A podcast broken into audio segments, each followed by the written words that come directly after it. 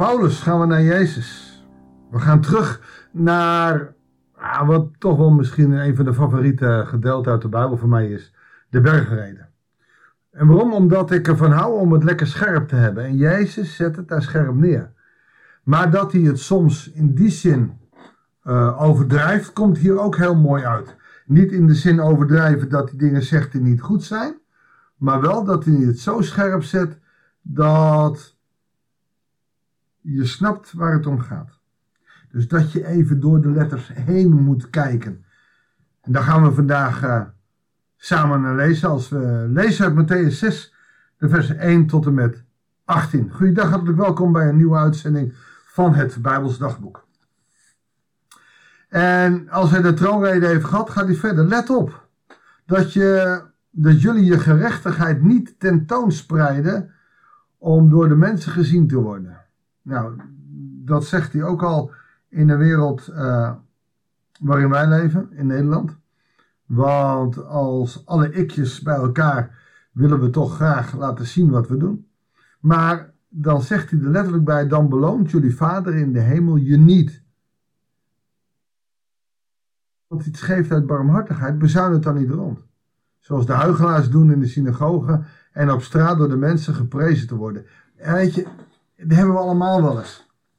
Ja, ik, eh, die mensen hebben het nodig, ik heb even wat gegeven. Waarom moet je dat zeggen? Op een of andere manier zit het in ons dat we eigenlijk willen horen. Oh, wat goed van je. En dat is wat Jezus hier bedoelt. En ik trap daar ook nog wel eens in. Ja, nou, ik heb even wat geregeld. Nou, wat, wat, wat zal ik dat weten? Niet doen. Ik moet het afleren. Als je iets uit barmhartigheid geeft, uit de goedheid van je hart.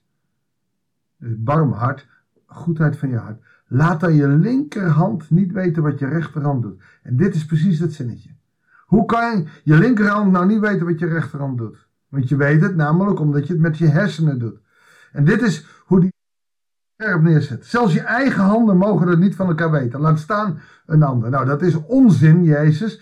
Maar daarmee zet hij het dus heel uh, scherp neer. Als je me links geeft, hoeft rest dat niet te weten. Of andersom. Zo blijft je gift in het verborgene. En jullie hemelse vader, die in het verborgene ziet, zal het voor je belonen.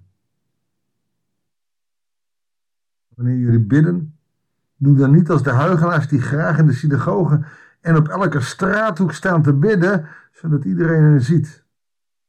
Ik verzeker jullie, ze hebben een loon al ontvangen. Maar als jullie bidden, trek je dan terug in je huis, sluit de deur en bid tot je vader die in het verborgen is. En jullie vader die in het verborgene ziet, zal je ervoor belonen. En bij het bidden, en dat, dit wil ik toch wel even tegen heel veel ouderlingen zeggen die zichzelf belangrijk vinden als ouderling worden. Bij het bidden moet je niet eindeloos voortprevelen zoals de heidenen, die denken dat ze door een overvloed van woorden verhoord zullen worden. Doe hen niet na. Jullie vader weet immers wat jullie nodig hebben. Nog voor jullie hem vragen. En dan geeft hij ons een voorbeeldgebed. Een van de bekendste gebeden. Zelf heel veel niet-gelovigen kennen dit gebed.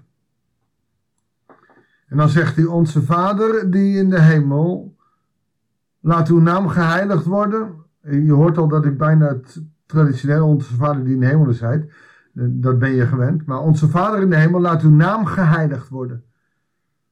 Uh, ik vind het sterker als we zeggen, uw naam worden geheiligd.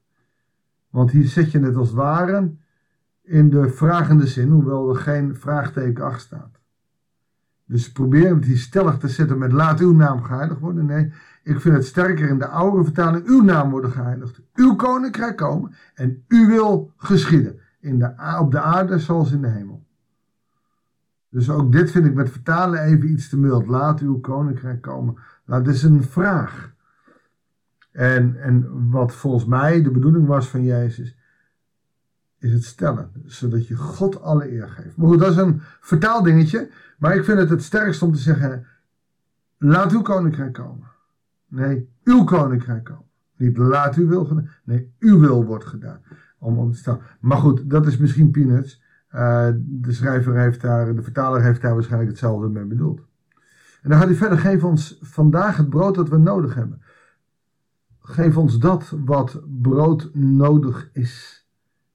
Dat betekent dat je niet altijd alles overal over hoeft te vragen, omdat dat of niet de bedoeling is, of dat je dat gewoon, omdat er niet brood nodig is.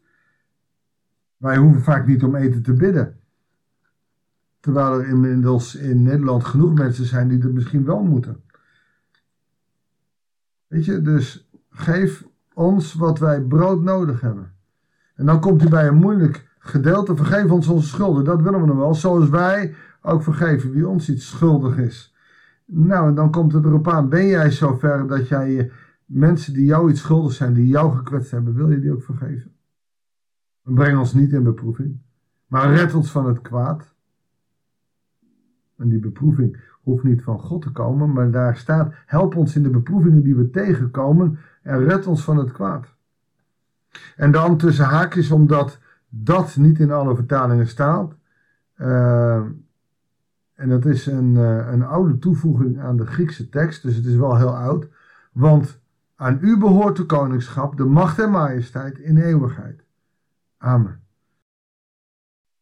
Want, zegt hij dan, als jullie anderen hun misstappen vergeven, zal jullie hemelse vader ook jullie vergeven. Maar als je anderen niet vergeeft, zal jullie vader jullie je misstappen evenmin vergeven. Heer, vergeef ons onze schulden, zoals ook wij vergeven onze schuldenaren, of zoals wij vergeven wie ons iets schuldig is. Pak die er even opnieuw uit. Want wij willen wel vergeven, wij willen wel dagelijks eten, wij willen wel uh, van het kwaad verlost worden. Maar dan moeten wij het ook bij anderen doen. Wij willen gezegend worden, maar dan moeten we ook anderen zegenen.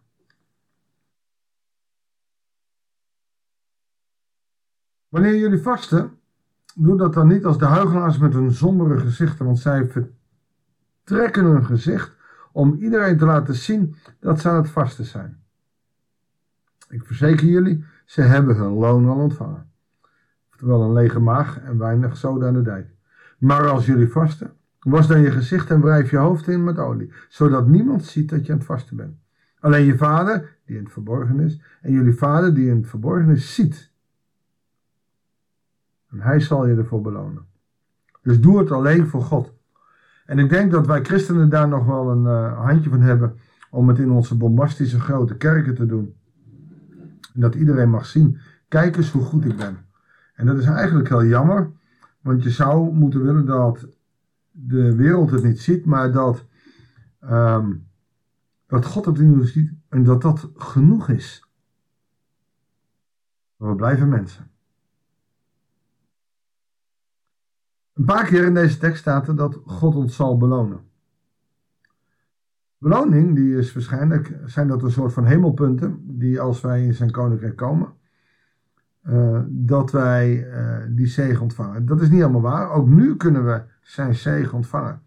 Uh, als wij gericht zijn op hem, zullen we die zegen ontvangen. dat betekent dus dat je ook dit gebed oprecht moet doen. En doe het dan ook in het verborgene. Dat weet ik wel. Ik bedoel, ik sta elke zondag te preken en dus ook te bidden. Het gaat niet om de samenkomsten, maar het gaat hier om je persoonlijk gebed. Zorg dat je dat gebed heel dicht bij jezelf houdt. Heel dicht bij God houdt. Durf je in je persoonlijke gebeden ook, ook als je smart, je verdriet, je pijn en je ellende, gewoon te delen. Ik kom wel bij mensen thuis die, die zijn dan alleen omdat een partner is overleden. En dan gaan ze nog zeggen, ach heer, ik, heb, ik moet toch genoeg hebben aan u. Ja, dat mag, hè? mijn genade is u genoeg. Maar God wil weten wat je voelt. God, ik voel mij zo alleen. Of ik voel me zo rottig. Of ik heb zoveel pijn. Deel het met hem. Heere God, ik, ik heb zoveel pijn dat ik niet toekom aan wat ik zou willen doen om u groot te maken. Wilt u mij helpen? Wilt u me zegenen? Vraag dat. En niet van, nou ja, het gaat wel goed, Heer, maar ik heb eigenlijk nog een nieuwe auto nodig. Of Vele van onze gebeden zijn gericht op onszelf, zijn onze wenslijstjes, zijn de Sinterklaaslijstjes. Lijstje.nl, daar zet je je wens op, maar bij God deel je je leven. Dat gaat veel dieper. En bij God vraag je om vergeving. Maar zeg hem ook eens waarvoor. Word bij God eens concreet over de diepste roezelen van je leven. Wat vind je moeilijk? Waar heb je me nodig? Laten we samen gaan bidden. Heere God, hier kunnen we niet persoonlijk worden, want iedereen bidt voor zichzelf. Toch wil ik vragen of u in de ziel van mensen wil kijken, of u door uw Heilige Geest mensen kan aanzetten om heel persoonlijk tot u te bidden, zodat dat een persoonlijk gebed wordt. Heere God, het is zo makkelijk om met onze Vader te bidden. Maar hoe mooi is het als wij echt onze zielenroezel aan u delen. Ook als we vrienden hebben of partners hebben met wie we dat samen willen doen. Heere God, dat we dan oprecht blijven bidden. Het kan vriendschap of relaties alleen maar verdiepen. Heer, wilt u ons helpen zo oprecht en eerlijk christen te zijn in deze tijd. Heer, dit bidden wij u de machtige naam van onze Heer Jezus Christus. Amen. Ik wens je oprecht, oprechte, open en eerlijke gebeden toe, waarin je de Vader in de hemel kan aanroepen en Hij jou kan zegenen. Dankjewel voor het luisteren en heel graag tot de volgende uitzending van het Bijbelsdagboek.